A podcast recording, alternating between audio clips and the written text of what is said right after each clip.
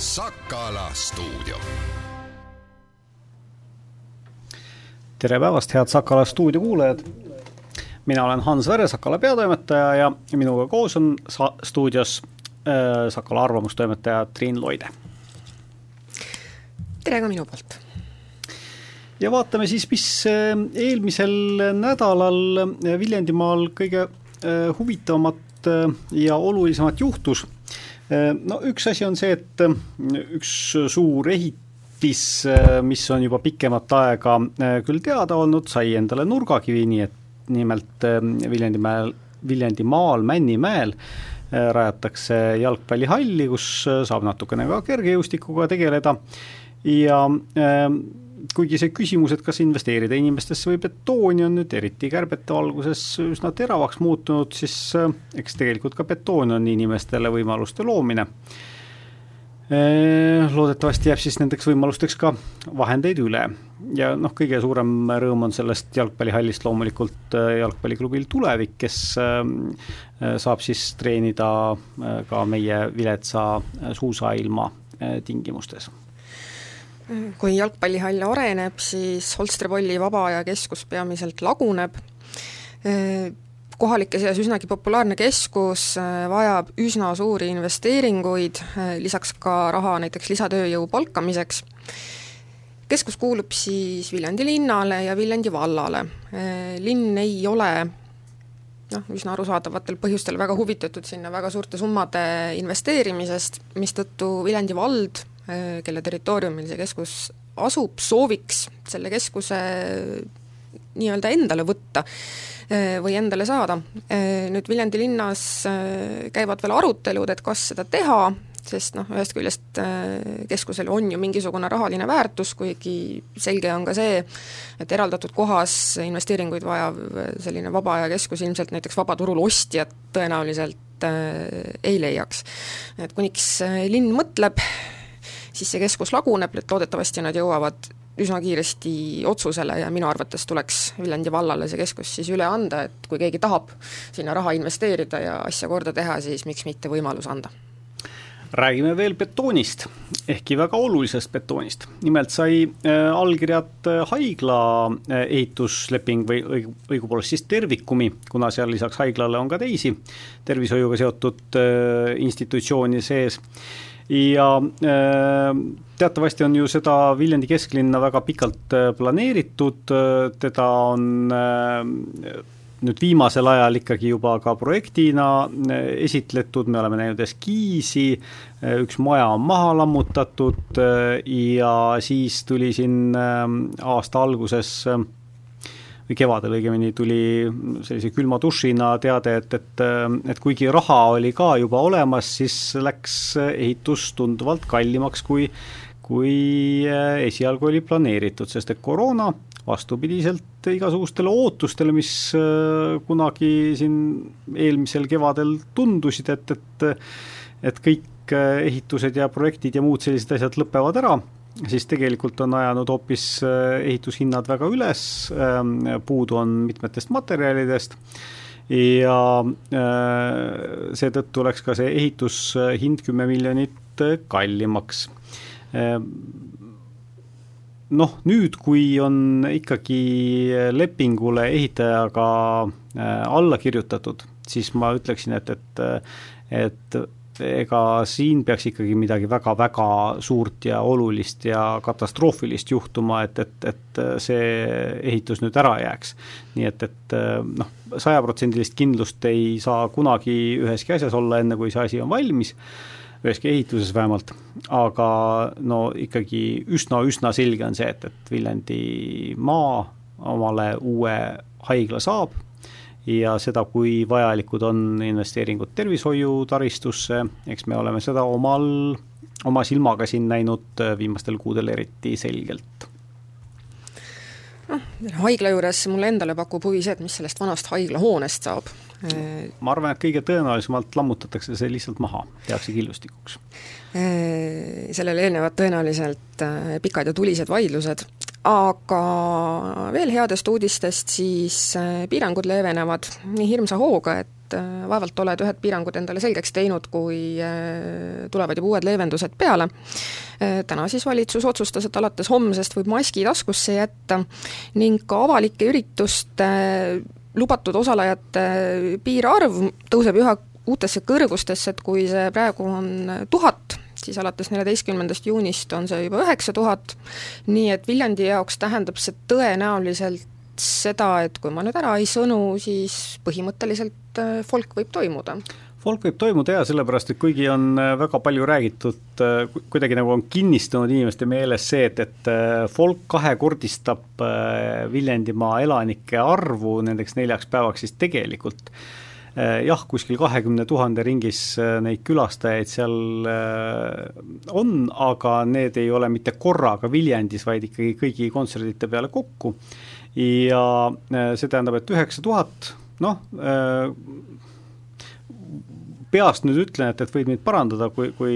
tead täpsemalt ja, ja loodetavasti ma ei eksi, aga aga need Kirsimäe kõige suuremad kontserdid on seal olnud kolme-nelja tuhandega ehk siis äh, üheksa tuhat, äh, üheksa tuhande sisse igatahes mahuvad äh, ka kõige suuremad kontserdid väga kenasti. Ja kui arvestada siis, et, et festivali alale peaks korraga mahtuma üheksa tuhat inimest, siis ma arvan, et, et ka sellega tegelikult ilma mingisuguste oluliste piiranguteta tuleb folk toime, nii et tahaks väga loota, et, et, et on ka nakatumise poolest selline aeg, kui riskitakse üksteise lähedal seista eks seal neid mõttekohti muidugi on, et äh, loobutud on nüüd ka kaks pluss kaks reeglist, mis on asendatud hajutamise nõudega,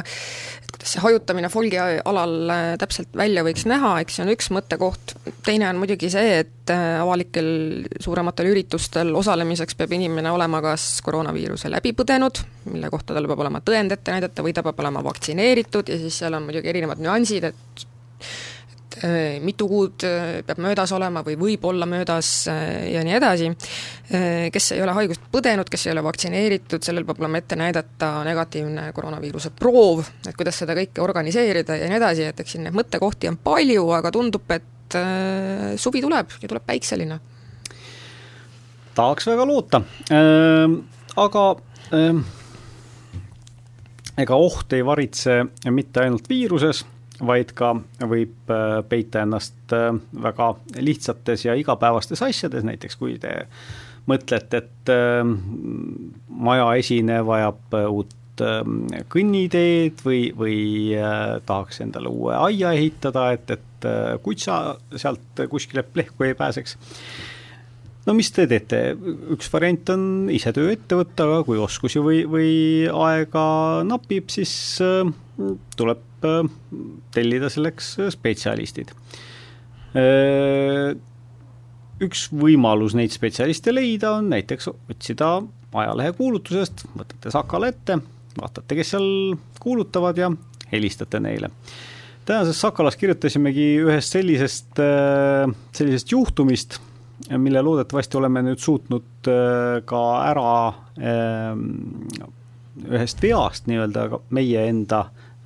tegemistes, mis me küll kuidagi tahtlikult ei ole teinud, aga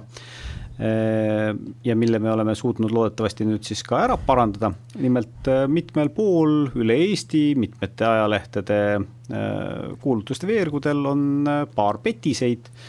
tegutsenud ja pannud kuulutusi, kus nad lubavad teha tööd, mille eest võtavad ettemaksu ja töö ise jääb siis tegemata. ei tea, võib-olla mõnel pool on ka töö ära tehtud, aga põhimõtteliselt on siis tegemist äh, üsnagi tuntud tegelastega äh,, nende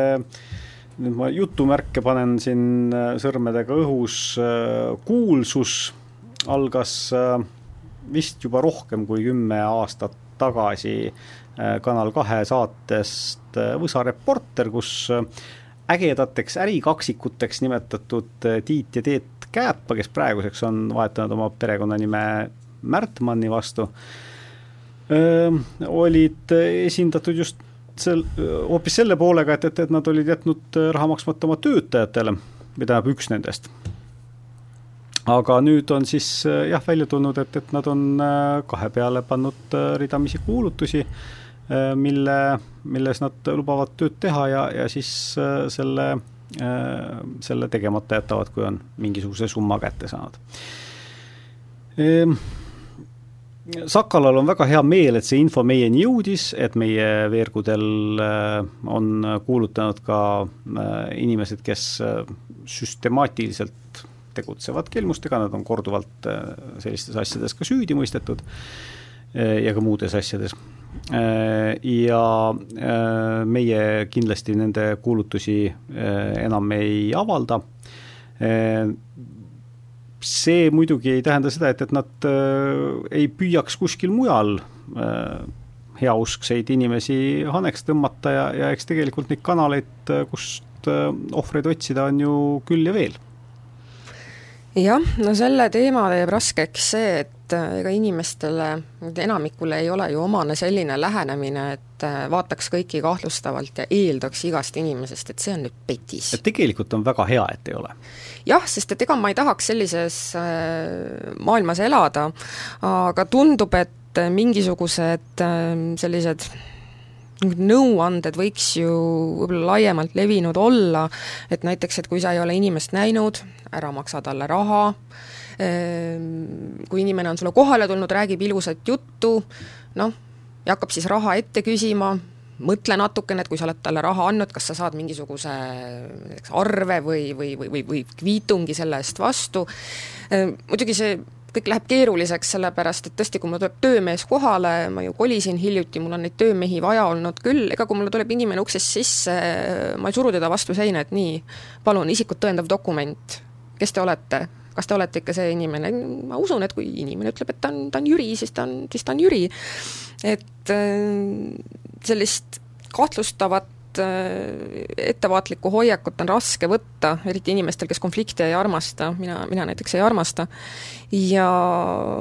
ja see teebki selle petiste töö tegelikult lihtsaks jah, ja teine asi, mis selle teeb lihtsaks, on veel see, mida me Viljandi haigla kontekstis ka juba puudutasime, nimelt äh, ehitusbuum on meil käimas, mis tähendab seda, et tegelikult on töötegijaid üsnagi raske leida. Ja noh, nii-öelda võetaksegi tihti seda, kes, kes siis äh, välja ilmub ja, ja äh, reageerib. Ehm, aga ega siin äh, selles suhtes on muidugi jah, soovitusi on, on anda ju lihtne. Näiteks kõigepealt seda, et, et vaadake, kus kohas see info levib noh, äh, tõsi, äh, Sakalas nad mõnda aega said nüüd siin tege-, tegutseda, aga nii, kui me sellest teada saime, panime ka käe ette. Äh, on aga palju selliseid, selliseid kas siis veebikülgi või, või Facebooki gruppe või kust kus mingisugust haldajat, vastutajat, kontrollijat nii-öelda ei ole. Ja ja ei ole ka sellist äh, teiste kasutajate tagasisidesüsteemi, nagu näiteks osta ees või soove ees või või noh, mõnel pool on need ju täitsa, täitsa hästi töötavad, aga ka seal tekib see küsimus, et kui, kui äh, inimesel ei ole mingisuguseid varasemaid äh, varasemaid soovitusi, siis on kaks varianti, et kas ta on petis, kes on endale uue aliase välja mõelnud, aga ta võibki selles keskkonnas olla alles alustav ettevõtja Äh, mis ei tähenda seda, et, et tal ei oleks kogemust ka selle töö tegemisel, ja isegi kui tal ei ole kogemust selle töö tegemisel, see tegelikult ei tähenda seda, et ta peaks seda tingimata ka halvasti tegema. et noh, et, et keegi peab ju kunagi kuskilt alustama. Ehm, et, et noh, jah, et see taustakontroll on kindlasti asi, mida peaks võimalusel tegema nii palju kui võimalik, aga tihti on see keeruline.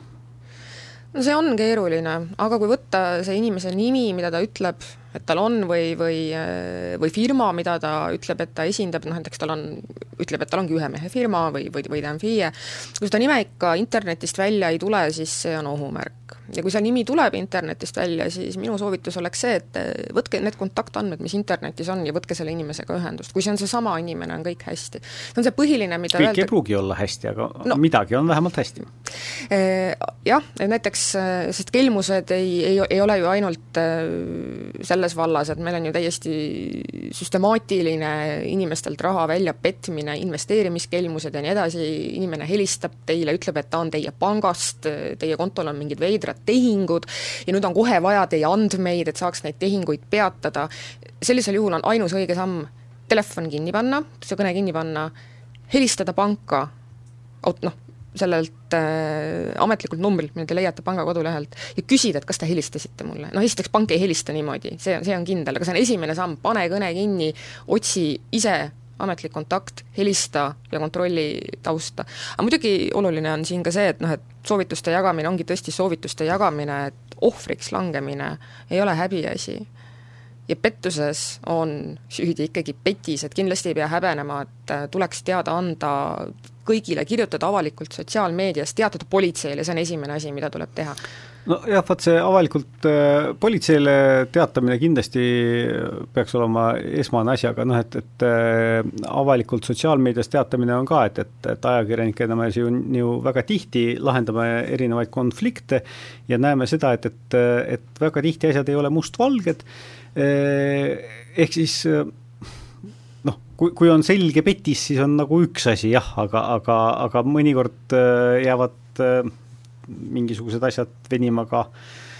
venima ka äh, sellest ettevõtjast mittesõltuvatel põhjustel, noh näiteks sa isegi parajasti oled ühe, ühe sellise looga tegev. no see on kindlasti noh, üks asi, aga kui sinult on võetud ütleme, kakssada eurot ettemaksu ja pärast seda enam telefonitoru ei võeta, siis on äh, üsna, üsna kindel, et see asi on, on halvasti. aga ühesõnaga, teada anda äh, võimalikult paljudele inimestele esimeses järjekorras, politseile ja kui tehtud makstud on ülekandega, siis te, teine kõne oleks pank, et äkki on võimalik seda ülekannet tagasi pöörata kuidagi jah äh,, aga äh, igasuguste kahtluste juures tulebki siis äh, äh, mõelda ka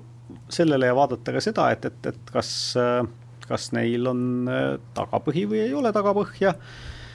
et kahtlustada on ju lihtne ja, ja, ja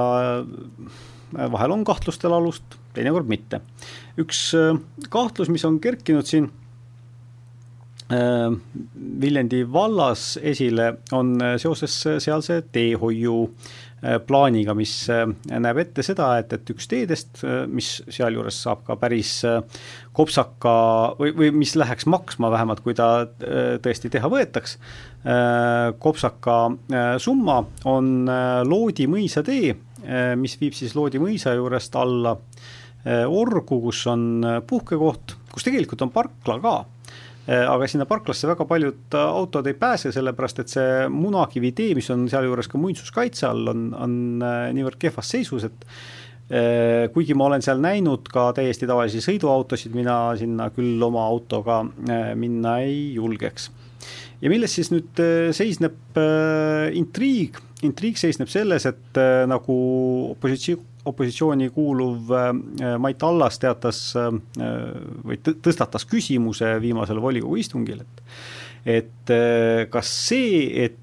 selline tee, mille juures elab, mille nii-öelda kasusaajaid on suhteliselt vähe, sest et selle Äh, seda kasutab äh, vähe maaomanikke, ainult paar, paar-kolm tükki võib-olla seal, äh, et üks nendest maaomanikest, kes seda mööda siis sõidaks, on Isamaa juht Helir-Valdor Seeder ja Isamaa on ka Viljandi valla ühesõnaga juhtimisel noh, täiesti ilma igasuguse kahtluseta äh, jäme taotsa eh, hoidja, ehk siis nii vallavanem kui ka volikogu esimees kuuluvad Isamaasse, et kas siin on nüüd midagi kahtlast? kuidas sulle tundub, kas siin on midagi kahtlast? oi, terve see lugu on üsna keeruline ja segane, et esiteks ma tahaks märkida seda, et kindlasti noh, valimised on muidugi lähenemas ja kindlasti sellistes asjades mängib see rolli ja opositsiooni töö ongi selliseid äh, asju üles tõsta, sest selle teema ju tõstatas Viljandi valla opositsiooniliider Mait Allas, et äh,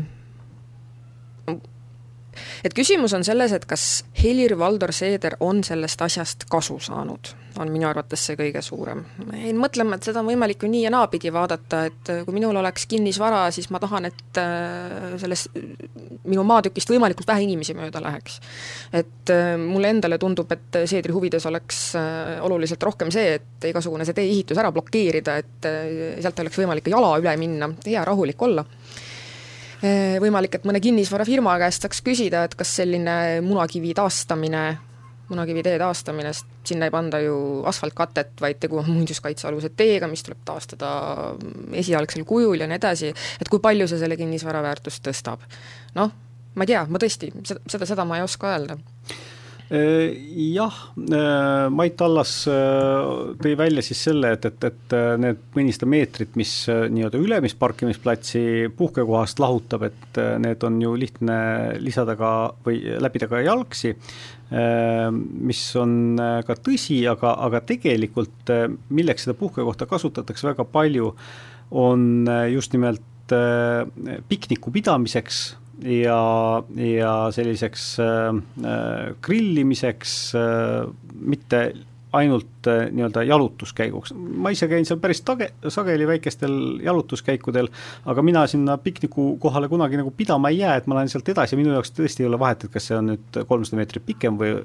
lühem maa äh,. Pikniku pidades oleks väga mugav kahtlemata sõita autoga sinna alla parklasse äh,, võtta sealt välja hulgaliselt äh, toidukraami, joogikraami, äh, võib-olla avada uksed ja, ja äh, panna käima automakk ehk siis jah, et, et see on nüüd väga subjektiivne, mina Seedri asemel ka seda teed pigem sinna ei tahaks. Aga see, see teema tegelikult, et, et kas seal on mingisugune omakasu mängus, tõstatus juba aastal kaks tuhat neli, kui ma õigesti mäletan, mil sinna hakati rajama Paisjärve ja selle Paisjärve jaoks andis raha Keskkonnainvesteeringute Keskus, mille nõukogus Seeder toona oli, ei hääletanud selle poolt, noh, taandas ennast hääletusest ja ka siis olid isamaalased võimul toonases Paistu vallas ja, ja, ja jällegi need küsimused nagu tekkisid, et, et noh, et, et kas, kas tehakse nüüd siin teenet oma, oma partei inimesele. Ja kuigi need küsimused mingil määral ilmselt jäävad, aga noh, tõsi on ka see, et, et ega ega ei saa ju jätta ka tegemata puhtalt sellepärast nüüd, et, et, et seal on keegi, keegi, kes on äh, mingisugusel juhtival kohal või, või kes on äh, äh ja, ja mis, mis see äh, hierarhiline ahel siis nagu peaks olema, et, et kust maalt me selle piiri tõmbame, et kelle tänavat me nüüd korda ei tee, et, et äh, selles suhtes on väga hea muidugi, et, et vallavanem Alar Karu tegelikult äh, elab linnas, sest et siis ei saa tekkida ka kellelgi küsimust, et et aga kas tema majaesise tee kordategemine on kuidagi korruptiivne nojah, tekibki see küsimus, et kui äkki peakski niimoodi olema, et, et vallajuhid, omavalitsusjuhid elavad teises omavalitsuses? ei no ei tea, see ju see on tähendab... nüüd nalja, naljaga öeldud, sest naljaga öeldud küll, aga ikkagi siis see tähendaks ju seda, et nad peavad sõitma mööda neid eh, teid eh, töökohale ja tagasi ja nii edasi, siis ei tohi neid teid remontida, et noh, seda, seda on võimalik täiesti absurdi keerata, et ma arvan küll, et poliitik võib elada ja tal võib olla kinnisvara ja see ei tähenda, et selle kinnisvara ümber peaks tekkima mingisugune kindlaks määratud raadiusega surnud tsoon, kus mitte midagi ei toimu kus arengut ei toimu ja midagi ei remondita ega, ega ehitata. aga kindlasti ma arvan, et see teema vääris ülestõstmist, see vääris korraks äh, seda, et sellele otsa vaadata,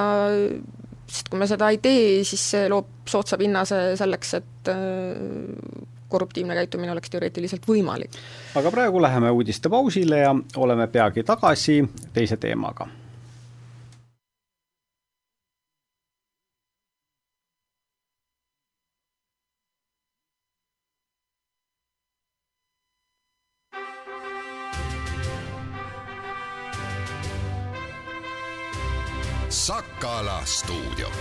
Tartu Kuku uudised, sõnumid BNS-ilt, Kuku raadiolt, Postimees Online'ilt ja teistelt agentuuridelt stuudios Liis Seljamaa.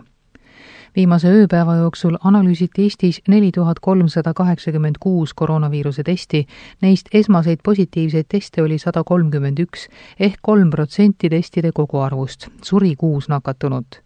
Tartumaale lisandus kuus, Valgamaale viis, Võrumaale neli, Viljandimaale kolm ja Põlvamaale üks uus positiivne testitulemus. Jõgevamaale uusi nakkusjuhte ei lisandunud viimase neljateistkümne päeva haigestumus saja tuhande inimese kohta on sada kuuskümmend kolm koma kaheksa ning esmaste positiivsete tulemuste osakaal tehtud testide koguarvust kolm koma seitse protsenti sihtasutuse Tartu kaks tuhat kakskümmend neli juhatuse liikmena asub tänasest tööle Kuldar Leis, kes hakkab koordineerima Euroopa kultuuripealinna ettevalmistamisi ja elluviimisi Tartus ning Lõuna-Eestis. Kuldar Leisi sõnul on sihtasutuse ja partnerite koostöös elluviidav Euroopa kultuuripealinn Eesti kaks tuhat kakskümmend neli aasta tippsündmus, mis pakub elamusi paljude erinevate huvidega eestimaalastele ja külalistele Euroopast. kultuuripealinna edukaks elluviimiseks on Leisil sihtasutuse juhina kaks peamist sihti, esiteks luua kogu Lõuna-Eestit kattev suur meeskond, teine siht on muuta Tartu kaks tuhat kakskümmend neli kolme aastaga üheks tuntumaks Eesti kaubamärgiks sihtasutuse senine juhatuse liige Toomas Peterson jätkab tööd Tartu kaks tuhat kakskümmend neli finantsjuhina täna jõudis lõpule Eesti teise geograafilise tähise sõir registreerimisprotsess. geograafilise tähise taotlusprotsessi algatas Eesti sõiratootjatest koosnev huvirühm Euroopa Liidu geograafiliste tähiste puhul on tegemist kollektiivse intellektuaalomandiga, mis tagab toodetele kaitse, jäljendamise ja väärkasutamise eest. Liidus on üle kolme tuhande kahesaja geograafilise tähise. sõir on traditsiooniline laagerdumata kohupiimajuust, mida tuntakse ennekõike ajaloolisel Võrumaal ja Setomaal sõira tegemise komme ning oskused kui osa Vana-Võromaa ja Setomaa kultuuripärandist on kahe tuhande kümnendal aastal kantud ka Eesti vaimse kultuuripärandi nimistusse. Tartu Kutsehariduskeskus avas tänavuse dokumentide vastuvõtu juba varakevadel. põhihariduse baasil ja haridusnõudeta erialadele kestab sisseastumine kolmekümnenda juunini. teistel on aega kandideerida kaheksanda augustini. valikus on üle seitsmekümne eriala, juunis oodatakse sisseastumisavaldusi esitama ja ennast vestlustele, testidele kirja panema eelkõige noori, vastseid põhikooli lõpetajaid. Kevadiseks vestlusvooruks on juba laekunud rohkem kui neljasaja õpilaskandidaadi avaldust. Neist kakssada kaheksakümmend on saanud kutse asuda kooli õppima. suvised vestlused toimuvad esimesel ja teisel juulil, hiljemalt viiendaks juuliks on teada ka tulemused kutsehariduskeskus avab tänavu kaks uut õppekava põhihariduse baasil õppijatele, üks neist on veokorraldaja logistiku eriala, tegu on ülemaailmselt kasvava valdkonnaga, ka Eestis kasvav e-kaubanduse ja pakiäri eeldab väljaõppinud spetsialiste. Uuenenud eriala on maaturism, kuhu oodatakse noori, kes näevad ennast tulevikus mõnes majutus- või maaturismi ettevõttes sise- ja välisturiste teenindamas Tartus algab täna Karlova tänavatel ja hoovides nädal aega kestev kogukonnafestival Läbi linna. festivali jooksul saab osaleda mitmetes tegevustes Karlova piirkonnas. avatud on ka Karlova Vaba Lava, kuuenda juunini etendub kuuel õhtul ka Jaanika Tammaru uuslavastus Läbi linna Karlova, mis on füüsilis-visuaalne rännak Karlova tänavatel ning see on inspireeritud Karlova linnajaost, sealsetest kassidest ja kohalikest. rohkem uudiseid postimees.ee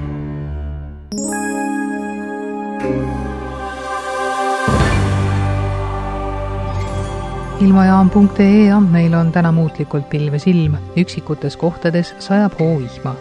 idatuul puhub kolm kuni kaheksa meetrit sekundis ja sooja on päeval neliteist kuni kaheksateist kraadi Tartus on praegu seitseteist kraadi sooja.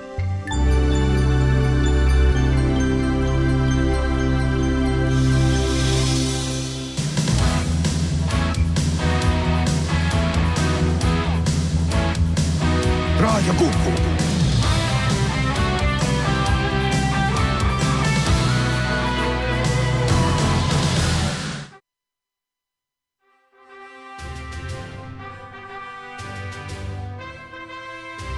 Sakala stuudio. ja tere tulemast tagasi, head Sakala stuudio kuulajad. jätkame nüüd haridusteemadel, sest et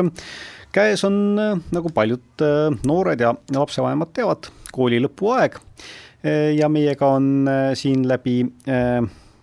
telefoniliini liitunud Kolga Jaani ja Leie põhikooli direktor Hasso Kukemelk. tere päevast! tere päevast! no põhikoolide lõpetajatel sai reedel esimene eksam eesti keel selja taha. kui palju teie koolides seda sooritanud noori oli? Eesti keel on kindlasti eksam kõikidele õpilastele, nii et äh, siin kõik õpilased, kes põhikooli lõpetada tahavad, tulid seda ka tegema, nii et puudujaid meil ei olnud. ei, ei leia see ka Kolga-Jaanis. aga kui palju teie koolides üldse abituriente on? Äh, põhikooli lõpetajaid leies on viis ja Kolga-Jaanis on kuus oskate te ka öelda, et kuidas neil läks, on mingisugust tagasisidet äh, tulnud? Noh äh,, jah, esialgsed tulemused on olemas, läks nii ja naa. kahe kooli peale kokku saime ka ühe maksimumhinde panna. aga enamik õpilastest sooritas eksami vähemasti rahuldavale või heale tasemele Viljandi gümnaasiumi matemaatika sisseastumiskatsete tulemused olid tänavu kehvemad kui varem ja gümnaasiumi direktori kohusetäitja Juhan-Mart Salumäe äh, nägi selle taga eelkõige seda, et äh, muutunud on süsteem, et, et äh, nüüd on testid üle-eestilised, mitte enam kooli enda õpetajate koostatud. aga kuidas teile tundub, et, et kas kaks aastat distantsõppel on õpiedukas, õpiedukusse oma jälje jätnud või, või on õnnestunud ikkagi kuidagi need äh, nurgad maha lihvida ja, ja, ja ühtlase hariduse andmist jätkata? See ei ole lühikese vastusega küsimus. vastake siis pikalt. see, see, see küsimus eeldab pikemat vastust. asi selles, et äh, inimesed on väga erinevad ja õpivad erinevalt. ja seetõttu on osa õpilasi, eriti erivajadustega õpilasi, kellele isegi distantsõpe väga sobis. ta ei pidanud teistega suhtlema, eriti need, kellel on suhtlemine mitte just kõige kergem ülesanne igapäevases elus. ja nendel on ka väga-väga häid tulemusi. samas teine hulk õpilasi, vastupidi, vajab igapäevast reaalselt näost näkku kontakti oma aineõpetajaga, kus siis aineõpetaja saab üle õla vaadata, kuidas tal ühe või teise ülesande tegemine, lahendamine edeneb, õigel kohal ka võib-olla näpuga juhtida tähelepanu, et kuule, kas sa siin tegid õigesti või, või millise reegli järgi sa siin toimetad praegu. ja, ja selles suhtes sellistele õpilastele kindlasti distantsõpe ei olnud parim. sest kui siin kuulata ka minu kolleegide jutte suurtest linnakoolidest, siis seal niimoodi eravestluses nad ütlevad, et tihti need veebitunnid olid sisuliselt tunnid nagu hauakividele, et, õpilased ei tahtnud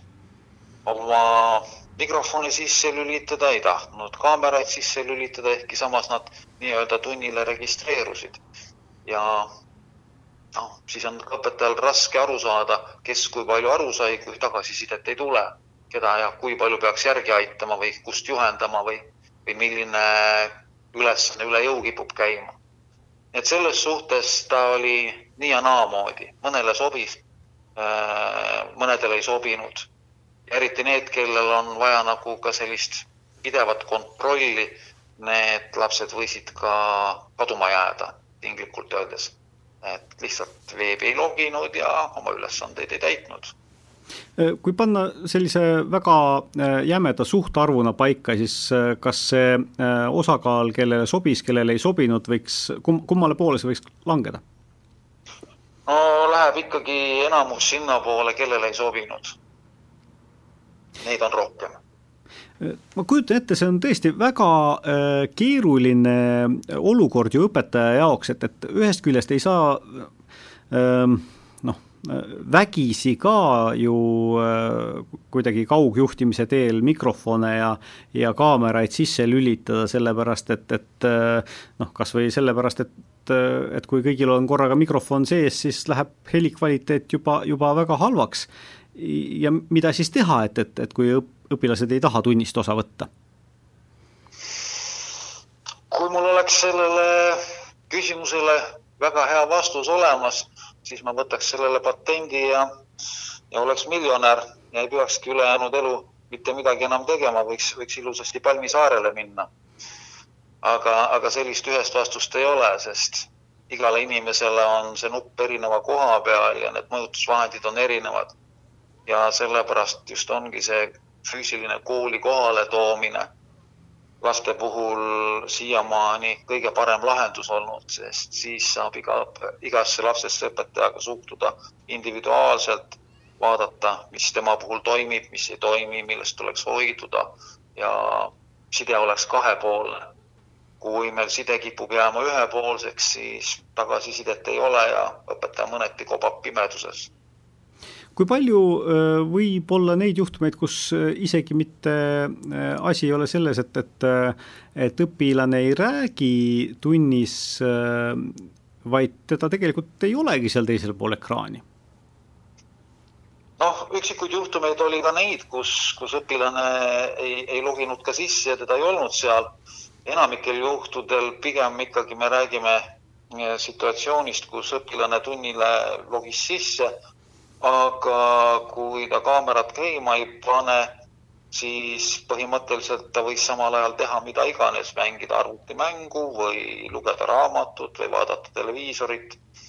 et äh, õpetajal puudus ülevaade, mida see laps tegelikult tegi ja kui ta küsimustele ei vasta ka, siis nii ongi äh, kuidas väikeste koolide äh, elu koroona ajal on olnud, kas see on olnud äh, lihtsam või keerulisem kui suurtel linnakoolidel? ma ei ole suurtes linnakoolides olnud, ma tean suurte linnade koolide kohta meediasõnumeid siin koroonaperioodil. aga kuulates neid meediasõnumeid ja vaadates seda, mis väikestes maakoolides toimub, siis maakoolides on kordades lihtsam. meil on enamasti käes koolimajad, mis on ehitatud kaks-kolm korda suuremale õpilaste arvule, kui meil hetkel reaalselt õpilasi on, mis tähendab seda, et hajutatuse nõue on ka kõigi õpilaste koolis oleku puhul suures osas täidetud. natukene pead lisapingutusi koolijuhina juurde tegema, et, et see täitmine oleks nii-öelda täiesti nii, nagu, nagu Terviseamet seda ette näeb. ja, ja samas ka ruume on piisavalt, et kui vaja, siis saab ka jagada lapsi laiali, nii et et selles suhtes ma olen üsna kindel, et väikestes maakoolides on tunduvalt lihtsam see olukord. pluss see, et äh, ühiskondlik transport on harvem ja vähem koormatud, lapsed on sageli kooli lähedalt, noh, on ka neid, kes kaugelt käivad ja kindlasti ka kehalise kasvatuse tunniks näiteks äh, on tunduvalt avaramad võimalused õues tundi teha, suured vabad territooriumid ümber koolimajade võimaldavad seda. ja mm. mitte ainult kehaline kasvatus, ka loodusõpetus ja muud ained ütlesite, et hajutuse nõuded olid äh, peaaegu täidetud vähe, väga väikese pingutusega, mida see siis tähendas, et, et äh, päris klassiruumi peale õpilast vist ei jagunud, aga aga no, väikes, väikestes maakoolides, kus on alla saja lapse, on enamasti majad projekteeritud kahesajale, kahesaja viiekümnele õpilasele. see tähendab seda, et sul on võimalik klassiruumides kolme-nelja-viie lapsega tunde läbi viia. ja sellisel juhul ka sa saad pool klassi ja pool klassi tundi tuua ja ühesõnaga, seal on nagu palju, palju võimalusi, mida, mida sa saad teha, sest, sest laste arvud on väikesed. Samas õpetajatega on äh, tihti äh, väikestes koolides nii, et, et äh, nad käivad mitmes koolis tundi andmas ja, ja ka siin Viljandimaalt eelmisest sügisest on üks juhtum teada, et kus, kui ma peast nüüd mäletan, siis oli õpetaja neljas koolis, kus ta tunde andis, käis ja, ja käis ka juba nakatununa. Teie koolis ta sellel, sellel nakkusperioodil ei jõudnudki tundi anda, kuigi ta ka seal õpetajana on, on kirjas ja, ja töötab, et, et, et teisest küljest on jällegi see, see noh, kaadri vahetamine või, või, või inimeste liikumine natukene jällegi suurem ohukoht või ei ole see nii väga? ta natukene ohukoht on küll, sellega täiesti nõus, sest lisaks sellele oli meil selle õppeaasta jooksul paar õpetajat veel, kes pidid jääma kodusesse karantiini, sest teises koolis, kus nad õpetasid, nad puutusid nakatunud õpilastega kokku. aga sellisel juhul me korraldasime nendele õpetajatele tunniplaani kohased veebitunnid, nii et nad kodust arvutist said oma tunnid antud, enamikel juhtudel, paaril korral tuli ka asendada. et, äh, et noh, siin on, siin on nagu võimalikud lahendused on olemas, see oli nii-öelda natukene tagurpidi, tagurpidi koroonaõpe, et õpetaja oli kodus ja lapsed olid koolis, aga aga, aga see on ka võimalik äh, mida teha äh, selle, nende lünkadega, mis on distantsõppe tõttu osadel õpilastel tekkinud, kas siin oleks abi mingisugustest suvelaagritest, mille, millest on ka räägitud või või tulebki leppida sellega, et, et äh, on üks põlvkond, kellel on äh, teatud teadmistes augud sees? Noh, ma vaataksin siin natukene teise pilguga nendele aukudele. Öeldakse, et loodus tühja kohta ei salli. ja kui me kaevame ka näiteks hoovis Äh, muru sisse augu ja jätame selle välja kaevatud mulla sinna lähedusse, siis mõningate aastate jooksul see auk hakkab täituma ja ühel, ühel hetkel seda auku väga palju isegi enam ei ole. Et praegu jah, see auk, kui nad lähevad kohe ja nüüd edasi õppima, on kindlasti selgesti märgatav ja tähelepandav erinevate testide, katsete, vestlustega aga ajapikku me ju õpime iga päev erinevaid asju, tasapisi need augud täituvad, et selles suhtes ma ei näe, et siin oleks päris suur katastroof. aga aeg-ajalt jah, need augud kindlasti tunda, tunda annavad, eriti esimestel aastatel pärast seda, kui normaalsus taastub. aga mida, mida kaugemale see meile selja taha jääb, seda rohkem lihtsalt me muude keskkonnast õpitud teadmistega need auke täidame aga kuidas te suhtute sellesse, et äh, neid auke peaks hakkama kuidagi äh, spetsiaalselt äh, kinni ajama nii-öelda kooliprogrammi välisel ajal? sellel on ka nii häid kui, kui, kui, kui halbu momente küljes, ühelt poolt jah, ta võtab õpilaste puhkuseaega vähemaks. Ja tegelikult see koroonaperiood on olnud üsna närvesööv ja pingeline periood ka õpilastele. Ja närvide taastumiseks sellised pikad suvevaheajad kindlasti kuluvad, kuluksid väga hästi ära või ka muud koolivaheajad, kui neid näiteks teha sügisel koolivaheajal. Aga teiselt poolt ka koroona tekitas suuresti selliseid nähte, kus kaasõpilastega sai vähem suhelda, mis tähendab seda, et sotsiaalses arengus olid pidurid peal ja kui nüüd me selliseid laagreid teeme ja seal on palju lähedases vanuses õpilasi koos, siis siin on võimalik kindlasti tasa teha ka selline sotsiaalne mahajäämus arengu poole pealt. et, et see on, see on kindlasti hästi, hästi positiivne ja, ja, ja toetatav nüanss lisaks akadeemilistele teadmistele. et ma ei sõdiks nende vastu, ma vaataks nendele päris hea pilguga minnes natukene koroona teemadest äh, kaugemale ja, ja üleüldse väikekoolide elu juurde, siis äh, on räägitud ka eriti just äh,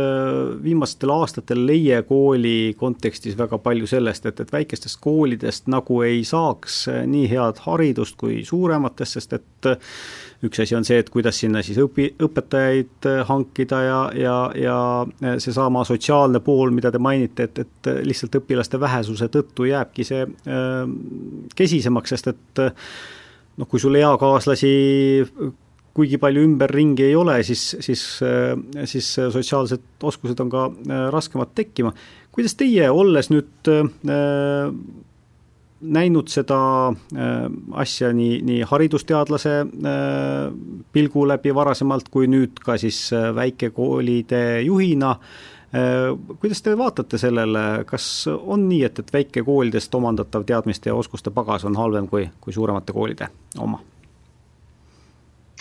omandatav teadmiste oskuste pagas sõltub ennekõike õppijast endast,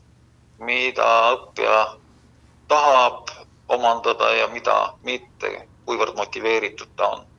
et see kooli suurusest ei sõltu nii palju. jah, suures koolis on võib-olla lihtsam tekitada võistlusmomenti, aga ka võistluses, kui sa lähed võistlema ja sa tead, et ma olen niikuinii viimane või eelviimane, noh, mis motivatsioon see mul pingutada on, ei ole ju et, et see, selle, selles suhtes siin on pigem õpilase ja kodu enda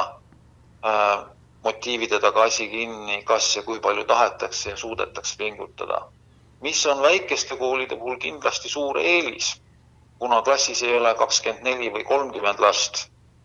Äh, ma tean, et mõningates Tallinna koolides on ka kolmekümnesed paralleelid põhikooli osas, siis Äh, kindlasti jääb õpetajal iga õpilase jaoks märgatavalt rohkem aega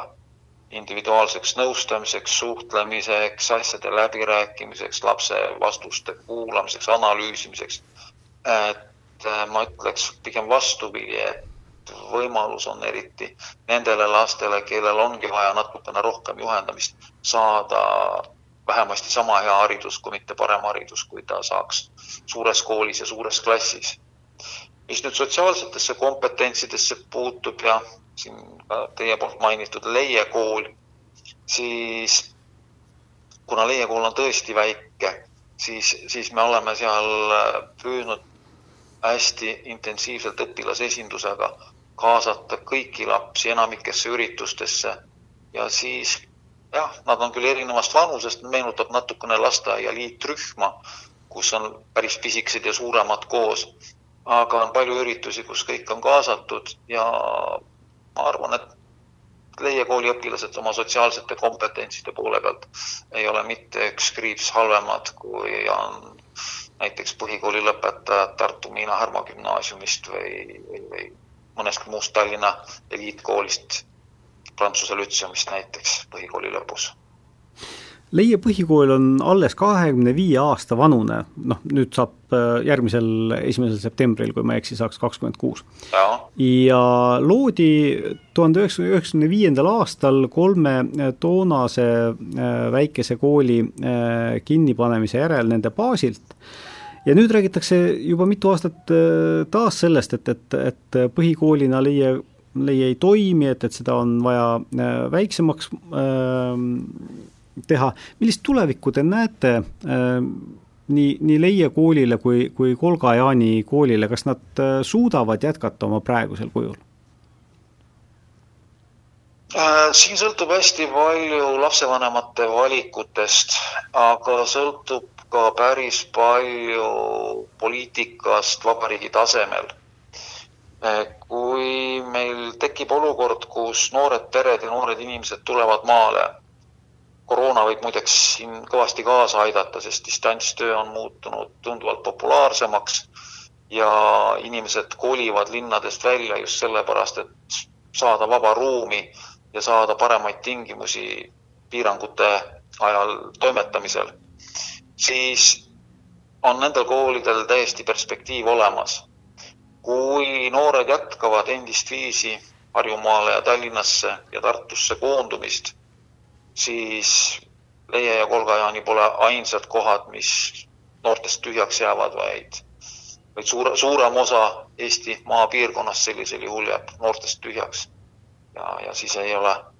neid koole kuigi palju, mis, mis järgi jääks. aga kui me jah, suudame noored maal hoida, noortele töökohad, rakenduse leida, siis nendel koolidel on päris suur perspektiiv ja kui vaadata kas või Võrtsjärve lähedust, see võiks olla ahvatlev elupaik paljudele, ilus suur veekogu, kena liivarand, siis võiks ju paljud inimesed tahta omale mitte ainult suvekodu, vaid ka päris kodu osta, soetada siia piirkonda. Ja ei mingit probleemi sellisel juhul ka lastekooliga nädalavahetusel oli meil veebis just üks lugu sellest, kuidas Valmas avati mänguväljak ja, ja seal üks kohalik elanik ütles ka, et, et neil on väga palju lapsi külas juurde tulnud, nii et, et, et mänguväljak väga tarviline asi. kuidas teie näete, Leie, Leie kooli majas on ju ka lasteaed, kas see demograafiline olukord on, on nendele kahele koolile soodne prae-, praegusel hetkel, jättes kõrvale siis selle nii-öelda lapsevanemate tulevikuvalikud? Leiega kool ja lasteaed liituvad alates esimesest septembrist Leia kooli nimetuse alla. et praegu meil liitumisprotsess käib, vastavad otsused valla tasemel on tehtud. ja hetkel lasteaias on kolmteist last, natukene rohkem, kui oli sügisel. perspektiivis me näeme praegu vähemasti sisseregistreerimiste põhjal, et see arv võiks enam-vähem jääda püsima. Ja noh, edasine on suuresti vanemate küsimus, kas nad panevad lapse kohalikku kooli või mingil põhjusel viivad kusagile, kusagile mujale äh,. usun, usun, et paljudel juhtudel võiks eelistus langeda kohaliku kooli peale. mis puudutab Kolgajaanit, siis Kolgajaani puhul on pilt praegu isegi liiga hea, võiks niimoodi öelda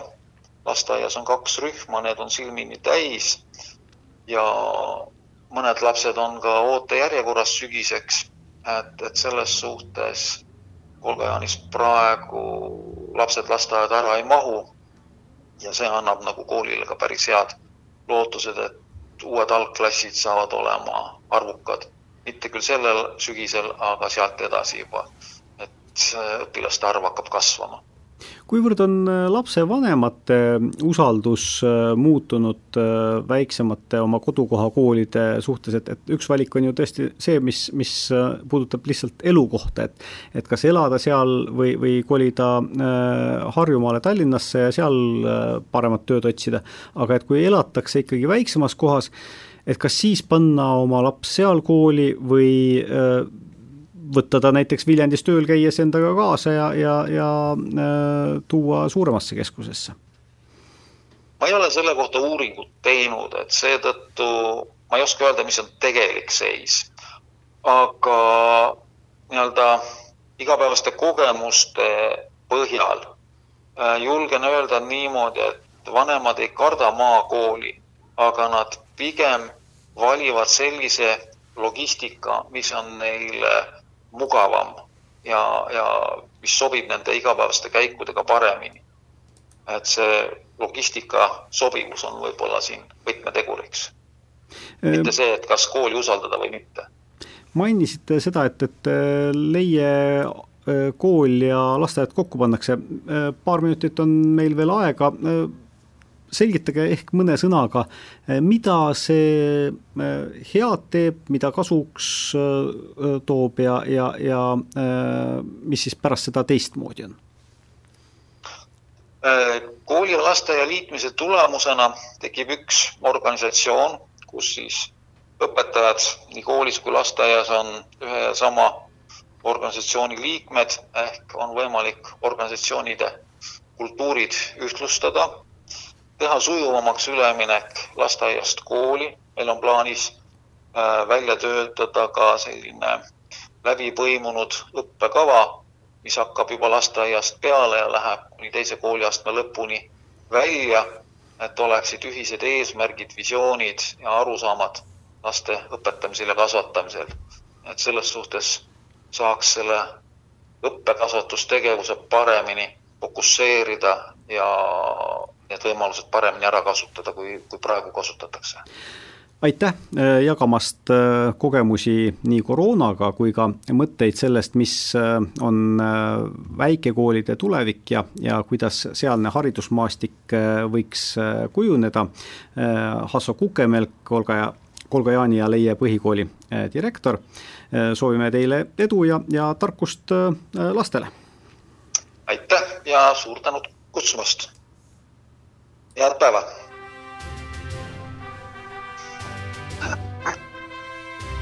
Sakala stuudio